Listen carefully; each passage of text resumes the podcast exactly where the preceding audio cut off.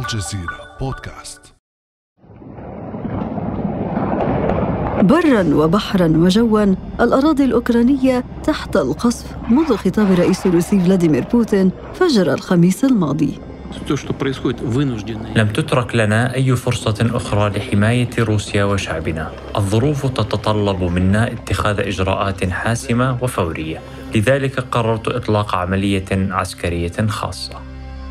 وفي أقل من 48 ساعة ضيقت القوات الروسية الخناق على أوكرانيا عبر ثلاثة محاور بشكل متزامن في الجنوب من شبه جزيرة القرم وفي الشمال من بيلاروسيا إلى العاصمة كييف ومن الشرق باتجاه مدينة خاركيف ثاني أكبر مدن البلاد. عملية عسكرية روسية خاطفة يشنها الثاني أقوى جيش في العالم في بلد وجد نفسه يقاتل وحيدا وفق الرئيس الأوكراني فلاديمير زيلينسكي.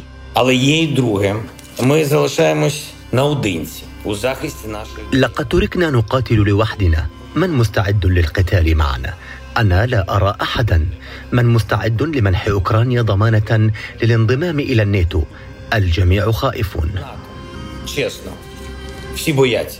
كبرى المدن الأوكرانية تحولت إلى ما يشبه مدن أشباح بعد نزوح أكثر من مئة ألف شخص ومغادرة عشرات الآلاف باتجاه بولندا والمجر ورومانيا وعلى أرض المعارك سقط عشرات القتلى والجرحى وسط مخاوف من أن يقود الهجوم إلى حرب أوسع وإلى أخطر نزاع في أوروبا منذ عقود فما مدى صعوبة تصدي كييف للغزو الروسي؟ وما هي أهداف وحدود العملية العسكرية الروسية في أوكرانيا؟ وما تبعاتها؟ وهل العالم على أبواب حرب عالمية ثالثة؟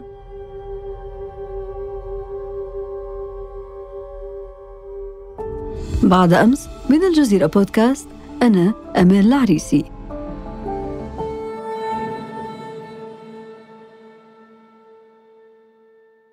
هذه الحلقة ينضم إلينا هنا في الأستوديو في الدوحة الدكتور عمر عاشور أستاذ الدراسات الأمنية والاستراتيجية بمعهد الدوحة للدراسات.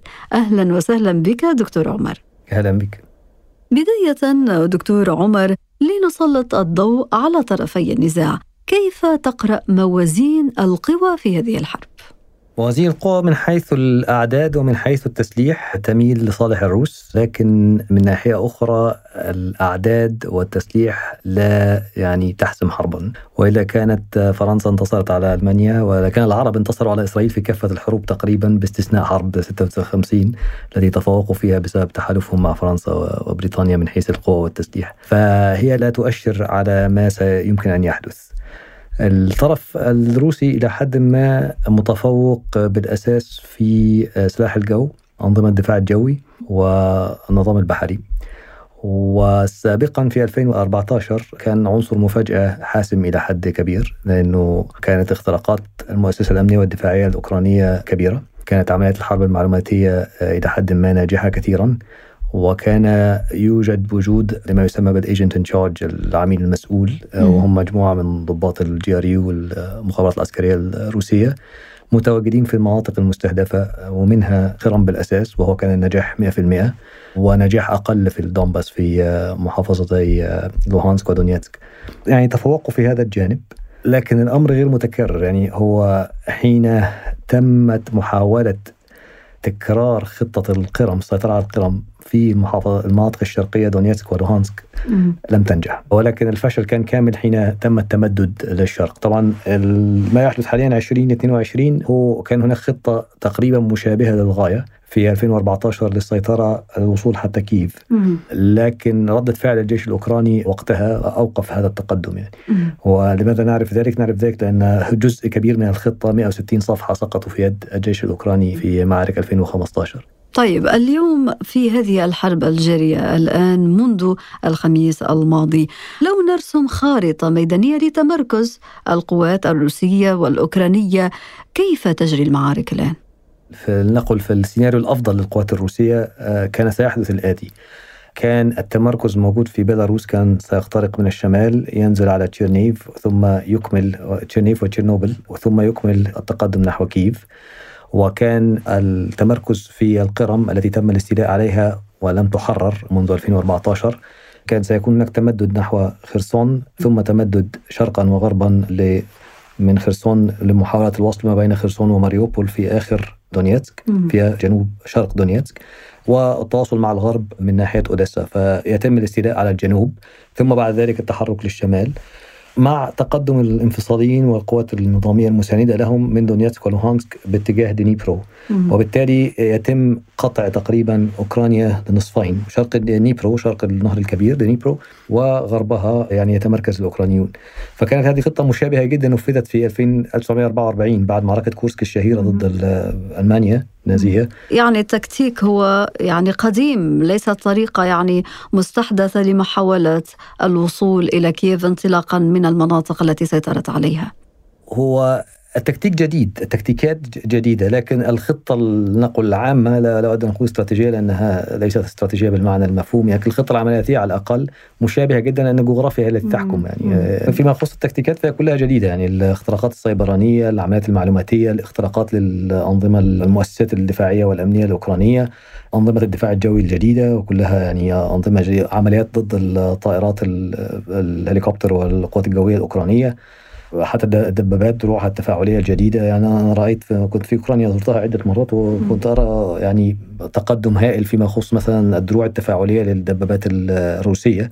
إحداها ضرب بأكثر من آه ثلاثة قذائف آر بي جي وضربت إي تي 5 الصقر والدبابة ما زالت موجودة لأن الدرع التفاعلي شديد القوة ينفجر للخارج فبالتالي يتعامل مع الصاروخ أو القذيفة المضادة للدبابات بالانفجار اتجاهها اتجاه القذيفة ويحمي الدبابة. فيعني يوجد كثير من التطورات استخدام المسيرات طبعا تنسيق ما بين أنظمة الدفاع الجوي التقليدية زي مثل البوك والتانجوسكا والمسيرات من ناحية والصواريخ المضادة للطائرات المحمولة على الكتف من ناحية أخرى تنسيق هائل. مم. فبالتالي العمليات يعني فيما يخص التكتيكات تكتيكات محدثة للغاية. وهناك أيضا دكتور عمر إضافة إلى التكتيكات التي ذكرتها بعض المحللين في مجال الاستخبارات الدفاعية يعتبرون أن روسيا استفادت أيضا من التدخل في سوريا باستخدام أسلحة جوية وبرية وبحرية. متقدمة. هذا صحيح جزئيا. هو تم تدريب أعداد هائلة من الضباط وصف الضباط وبعض الجنود الروس في سوريا على استخدام معدات كما ذكرت. ليست جديدة. يعني السلاح الأساسي المستخدم في نقل الضربات الجوية في سوريا هو السخوي 25 والسخوي 54 24 فسخوي 25 والسخوي 24 هم يعني أكبر مني سنا يعني فيعني طائرات من السبعينات فطائرات قديمة. لكنها فعالة. آه مثلا التي 90 الأحدث يستخدمون أكثر على الأقل الدبابات التي تم استهدافها وظهرت في الفيديوهات هي تي 62 دبابات قديمة كذلك. فليس هناك تطوير هائل في البروباغندا والدعاية الروسية تدعي أنها الأرماطة ستدخل مع التي 14 اللي هي أعلى نوع أو أحدث نوع من الدبابات ستدخل المعركة لم نرى لها أثرا يعني. نفس الشيء مع السخوي 57 لم نرى لها أثرا. فهي دعاية أكثر منها سلاح ميداني فعال. فهذا من ناحية لكن من ناحية ثانية وهذا هذه النقطة مهمة إنه من الأسرى الذين نراه الأسرى الروس الذين نراهم الآن فكرة الإصلاحات العسكرية الروسية التي يعني كان بوتين بعد حرب الشيشان الأولى يعني كانت دروس مستفادة ونفذها بشكل تلقائي وهي جنب المجندين لأن لديهم دائما إشكالية في القوى العدديه فجنب المجندين لو لديك لواء بثلاثه كتائب تكون كتيبة للتدريب وكتيبة للحراسة وكتيبة للخبراء. تضع فيها كل من لديه خبرة وهذه الكتيبة تأخذها وتضعها في الجبهة. فهو استطاع في 26 فبراير 2014 حين أعلن ال mobilization الحشد أو يسموها snap inspection يعني التفتيش المفاجئ. استطاع حشد حوالي 40 ألف ضابط وصف ضابط وجندي يعني في حوالي 20 يسمون بال battalion tactical groups مجموعات الكتائب القتاليه يعني أو تكتيكية. ف20 منها على حدود أوكرانيا. فهذا النجاح الهائل في حشد خبراء الذي نراه الآن في أوكرانيا إنه لا يوجد لديه عدد كافي لغزو أكبر دولة في أوروبا بعد روسيا. لا يوجد لديه عدد كافي لغزو 600 ألف كيلومتر مربع. بعشرات البلدات والمدن والقرى التي أغلبيتها الساحقة ستقاتل ضده. فلا يوجد هذه الاعداد الكافية ولذلك هو يعود للشيشان الأولى. يحشد المجندين ضباط الأمن الكثير من الذين تم أسرهم من القوات الأوكرانية مواليد 1999 2000 ضباط شرطة ليسوا في الجيش امون بطاقات شرطية. فبالتالي ليس لديه العدد الكافي الاحتلال بهذا الحجم يعني. طيب ماذا عن الرد العسكري الأوكراني إلى حدود هذه اللحظة؟ برأيك إلى أي مدى يمكن أن تصمد أوكرانيا أمام آلة الحرب الروسية؟ يصعب التنبؤ بالطبع بمدى الصمود أو مدى النجاح أو أين سينهاروا يعني أو متى سينهاروا. لكن في الحرب الأولى في 2014 كانت تقديرات الاستخبارات الغربية تقول بأن الجيش الأوكراني سينهار ما بين 48 ساعة ل 96 ساعة وهو ما لم يحدث لأن الجيش الأوكراني قاتل لسبع سنوات يعني قبل الحرب الأخيرة من 2014 حتى اليوم يعني ثمان سنوات قبل التصعيد الأخير. الوضع الحالي مختلف لأن تدخل روسيا أكبر بكثير. فيما يخص الأوكران يبدو أن لديهم رغبة عارمة لمحو عار 2014 لأن 2014 سقطت أهم بقعة استراتيجية في البلاد وهي القرم دون قتال تقريبا يعني بسبب حجم الاختراقات الشديدة. وبسبب أيضا نصيحة الحلفاء لأنه أمريكا وألمانيا وقتها وهذا جزء من الحرب الروسية الهجينة يعني تم الضغط عليهم ليقنعوا الأوكرانيين أن لا فائدة من المقاومة، يعني الصد الهجوم الذي حدث في دونيتسك ولوهانسك في أواخر 2014 و2015 كان هذا plan B كان هذه الخطة يعني الحلفاء لن يستطيعوا أن يأتوا بالأرض عبر الدبلوماسية والضغط والعقوبات وبالتالي ما سنقاتل. فتم تغيير الخطة من التفاوض والدبلوماسية لحشد حوالي 11 لواء كانوا من ثلثي الجيش الأوكراني كانوا غرب دنيبرو فحش تم حشد 11 لواء ووضعهم إلى الشرق وهي عملية شديده التعقيد كذلك. الوضع الآن مختلف إلى حد كبير، لماذا؟ لأنه الحشد الروسي أكثر التوغل أكثر لكن الأهداف أعلى كذلك. الأهداف سترى على كيف. أظن أنه سيصعب لو نتكلم على الاستشراف العملية ستكون شديده الصعوبة بعد فقد الزخم الذي حدث في الأيام الماضية. إحدى الأمور التي يعني قد تنبئ عما يحدث أن الخسائر الروسية عالية. والوضع الطبيعي هو أن يعني يقتل من الروس 20 ويقتل من الجهة المقابلة واحد وروسيا يفوزون لأنه يستطيع يتحمل 20 والطرف الآخر لا يستطيع التحمل. دكتور عمر يكتنف هذه العملية العسكرية الغموض من حيث الأهداف التي تسعى موسكو لتحقيقها وكذلك موعد انتهائها فما هي أهداف الحرب الروسية على أوكرانيا المعلنة منها والخفية؟ هو يعني فيما يخص الأهداف المخفية لا أستطيع ان أتكلم عنها انها ستكون مخفية فكلاسيفايد لكن المعلن فيما يخص الديميليترايزيشن أو نزع سلاح آه، أوكرانيا ستصير دولة دون سياده أو وضع حكومة بديلة موالية للروس هذا الأغلبية الساحقة من الأوكرانيين لن يقبلوه على الأغلب. المسألة المتعلقة بأن يتم يعني تشجيع الجيش على الانقلاب على رئيس المنتخب ثم يعني وضع شخصيات موالية للجيش وهم موجودون يعني العديد من الجنرالات كانوا على قائمة موالين للروس يعني لسبب أو لآخر يعني, يعني معظمهم لأسباب مادية ليست حتى إيديولوجية يعني. وهذه لا تبدو لي يعني شراسة المقاومة فيما يخص الجيش. لا يبدو لي أنه ينوي الانقلاب على الرئيس ولأنه سينظر إليه من الأغلبية الساحقة على أنه جيش خائن يعني. فحتى الآن لا تبدو لي أنه الأهداف الأخرى هي منع أوكرانيا من يعني رده الفعل للدول الغربيه ودول الناتو بشكل أساسي من التعاطف الشديد مع أوكرانيا التسليح التدريب التمويل العقوبات. هذا كله يقرب أوكرانيا من الناتو وليس ولا يبعدها أكثر. يعني الآن الدول نضع الأمور في البرسبكتيف يعني في المنظور. أوكرانيا جيشها النظامي حاليا هو بمثابة بنفس القوى العددية وبنفس التسليح تقريبا لآخر عشرة أعضاء انضموا لحلف الناتو. هو أقوى جيوش أوروبا الشرقية عمليا ففقدانه للناتو مشكلة كبيرة. وضمه للناتو مكسب كبير. والآن هو صار له خبرة قتالية لثمانية سنوات. برأيك هل يمكن أن نتوقع مدة هذه العملية؟ لا يمكن أن نتوقع ولكن كلما طالت كلما زادت احتمالات عدم تحقيق الأهداف الروسية،. كلما طالت آه، العملية كلما ساء الوضع بالنسبة للروس.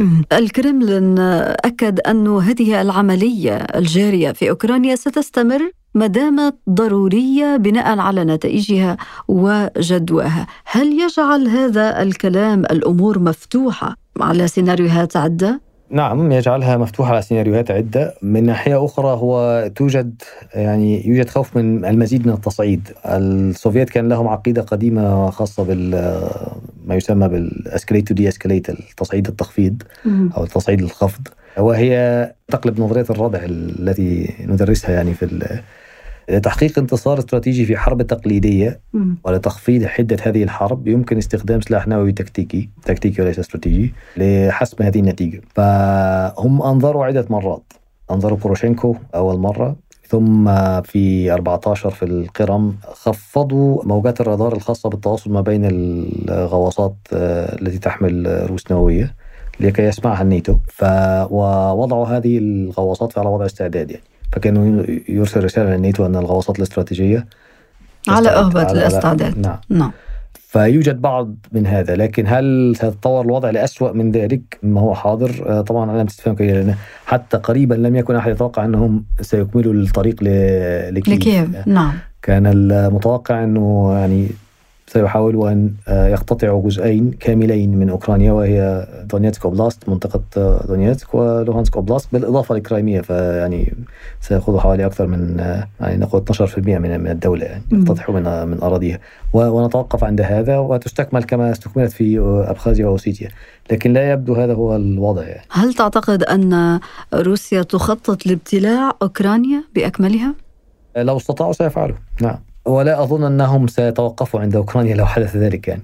لأن أوكرانيا كما ذكرت هي أقوى جيوش شرق أوروبا حاليا واكثرها خبرة قتالية. وزن المقذوفات والذخيرة التي تم إطلاقها على الروس منذ 2014 من حيث الأطنان تعادل كافة مخزونات وترسانات المقذوفات والذخيرة الموجودة لدى أعضاء نيتو كلهم في شرق أوروبا. فمعناها إنه لو انهار هذا الخط فدول كإستونيا ولاتفيا وليتوانيا وربما بولندا في وضع شديد السوء. هذا الوضع شديد السوء الذي تحدث عنه أستاذ عمر ربما هو الذي يفسر الآن عزم العديد من الدول الغربية دعم أوكرانيا عسكريا وماليا، صحيح؟ صحيح وهل هذا سيغير المعادلة؟ محتمل ولكن ليس بالتأكيد يعني. محتمل هو روسيا في النهاية خسرت حرب الشيشان الأولى في حرب تقليدية دون دعم الناتو هذا الشيشانيين فعلوها. كسبت حرب الشيشان الأولى بالأساس بتقسيم الشيشانيين لأن الشيشانيين صاروا يقتلوا بعضهم بعض وهي داعمة الطرف فيهم فبالتالي في النهاية انتصروا.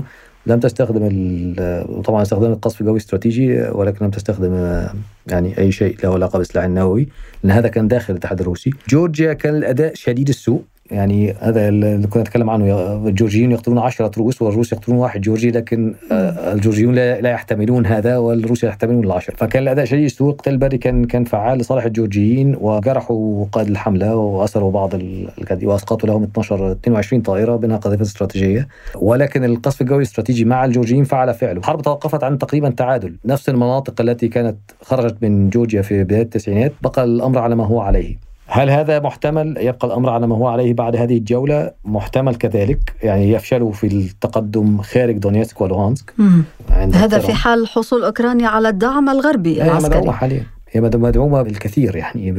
آخر إعلان هو لألمانيا التي وافقت يعني على تسليم أسلحة لأوكرانيا. وهذا القرار يعد تحول سياسي كبير في ألمانيا. التي التزمت منذ نهاية الحرب العالمية الثانية بعدم تسليم أسلحة فتاكة إلى دول تشهد نزاعات هي إشارة هامة من ناحية وخاصة بالمقارنة بموقف ألمانيا في 2014 موقف ألمانيا في 2014 كان الآتي كان متبني تقريبا الرواية الروسية. جيرهارد شرودر المستشار الألماني السابق كان يعمل في جازبروم في الشركة الروسية للغاز وكان يعني يضغط باتجاه زميلته في الحزب المستشاره ميركل بأن هؤلاء يعني لا يوجد تواجد روسي وإقحام ألمانيا في الموضوع سينعكس بخسارة انتخابية على ميركل. لماذا؟ لأن كانوا في الشتاء وبالتالي الروس سيستخدموا سلاح الغاز مرة أخرى وبالتالي سيتجمد المواطن الألماني من أجل عملية خاسرة في أوكرانيا. فالتحول كبير للغاية طبعا هو ضغطوا على الأوكران ألا يقاتلوا في القرم تحديدا والولايات المتحدة وألمانيا الاثنين مع بعض. فالوضع الآن إرسال هذا العدد الكبير من مضادات الدروع بالإضافة لأعداد من مضادات الطائرات الموجهة المحمولة على الكتف وهي شديدة الخطورة بالنسبة للطائرات الهليكوبتر الروسية 124 وغيرها. هذه شد يعني very vulnerable شديدة الضعف أمام هذه أمام ال Stingers وغيرها يعني. فبالتالي هذا تحول كبير يعني. ونشير في هذا السياق بما أننا نتحدث عن نقاط التحول الكبرى التي تعكسها الحرب الجارية حاليا في أوكرانيا إلى تصريح المستشار الالماني أولاف شولتز الذي تحدث في بيان عن أن العدوان الروسي حسب وصفه طبعا على أوكرانيا يشكل نقطة تحول بل وتهدد النظام الذي نشأ منذ الحرب العالمية الثانية. برأيك دكتور عمر هل هناك احتمالات لاندلاع حرب عالمية ثالثة على خلفية ما يجري في أوكرانيا؟ احتمال ضعيف للغايه ولكن توجد خطورة التطور لما يسمى يسميه في العقيدة العسكرية السوفيتية تصعيد التخفيض يعني تصعيد الخفض آه، وهو استخدام سلاح نووي تكتيكي لحسم معركة تقليدية أو لحسم حرب تقليدية فهذا يعني في حالة ازدياد الخسائر في أوكرانيا بدلا من الانسحاب توجد طريقة أخرى لحسم الحرب بين أقواس لصالح روسيا وهي ربما ردع الأوكرانيين باستخدام سلاح نووي تكتيكي تكتيكي ليس استراتيجي لخفض تصعيد وبالتالي إنهاء الحرب. طبعا لو حدث هذا لا أظن أن الناتو سيسكت قد يتم تصعيد مقابل وقد تتطور الأمور لاسوء من ذلك يعني. لكن احتمال حدوث ذلك لا أراه احتمالا يعني أراه احتمالا ضئيلا للغاية. لكن هو أنا يعني أحاول أن أتجنب موضوع الاحتمالات لسبب وجيه إن ما يسمى بالإنذار الاستراتيجي غالبا لا يصلح. يعني غالبا يعني عندما تكون هناك معارك جارية. اذا ما تعليقك على الرأي الذي يتجه إلى القول إن العملية العسكرية الجارية الآن في أوكرانيا هي محسومة النتائج لصالح روسيا؟ توقع نتيجة المعارك من الممكن. يعني أنا أدرس مقرر في برنامج الدراسات الأمنية اسمه تحليل المعارك. نستطيع أن نحلل كيف تتطور المعركة آه، ونستطيع أن نتنبأ بنتيجتها. أما التنبؤ بنتيجة الحرب فهذا أمر آخر. يعني أنت يمكن أن تكسب الكثير من المعارك وتخسر الحرب. حدثت الجورجيون نموذجا يعني. تكسب المعارك الأرضية ولكن تخسر الحرب بشكل عام.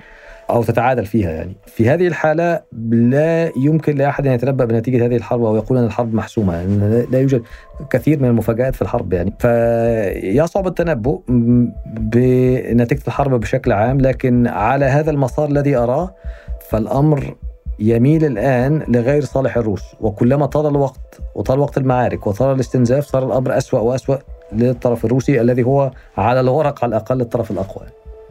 الدكتور عمر عاشور أستاذ الدراسات الأمنية والاستراتيجية بمعهد الدوحة للدراسات. شكرا جزيلا لك على كل هذه المعلومات المفيدة والمهمة. شكرا لك. كان هذا بعد أمس.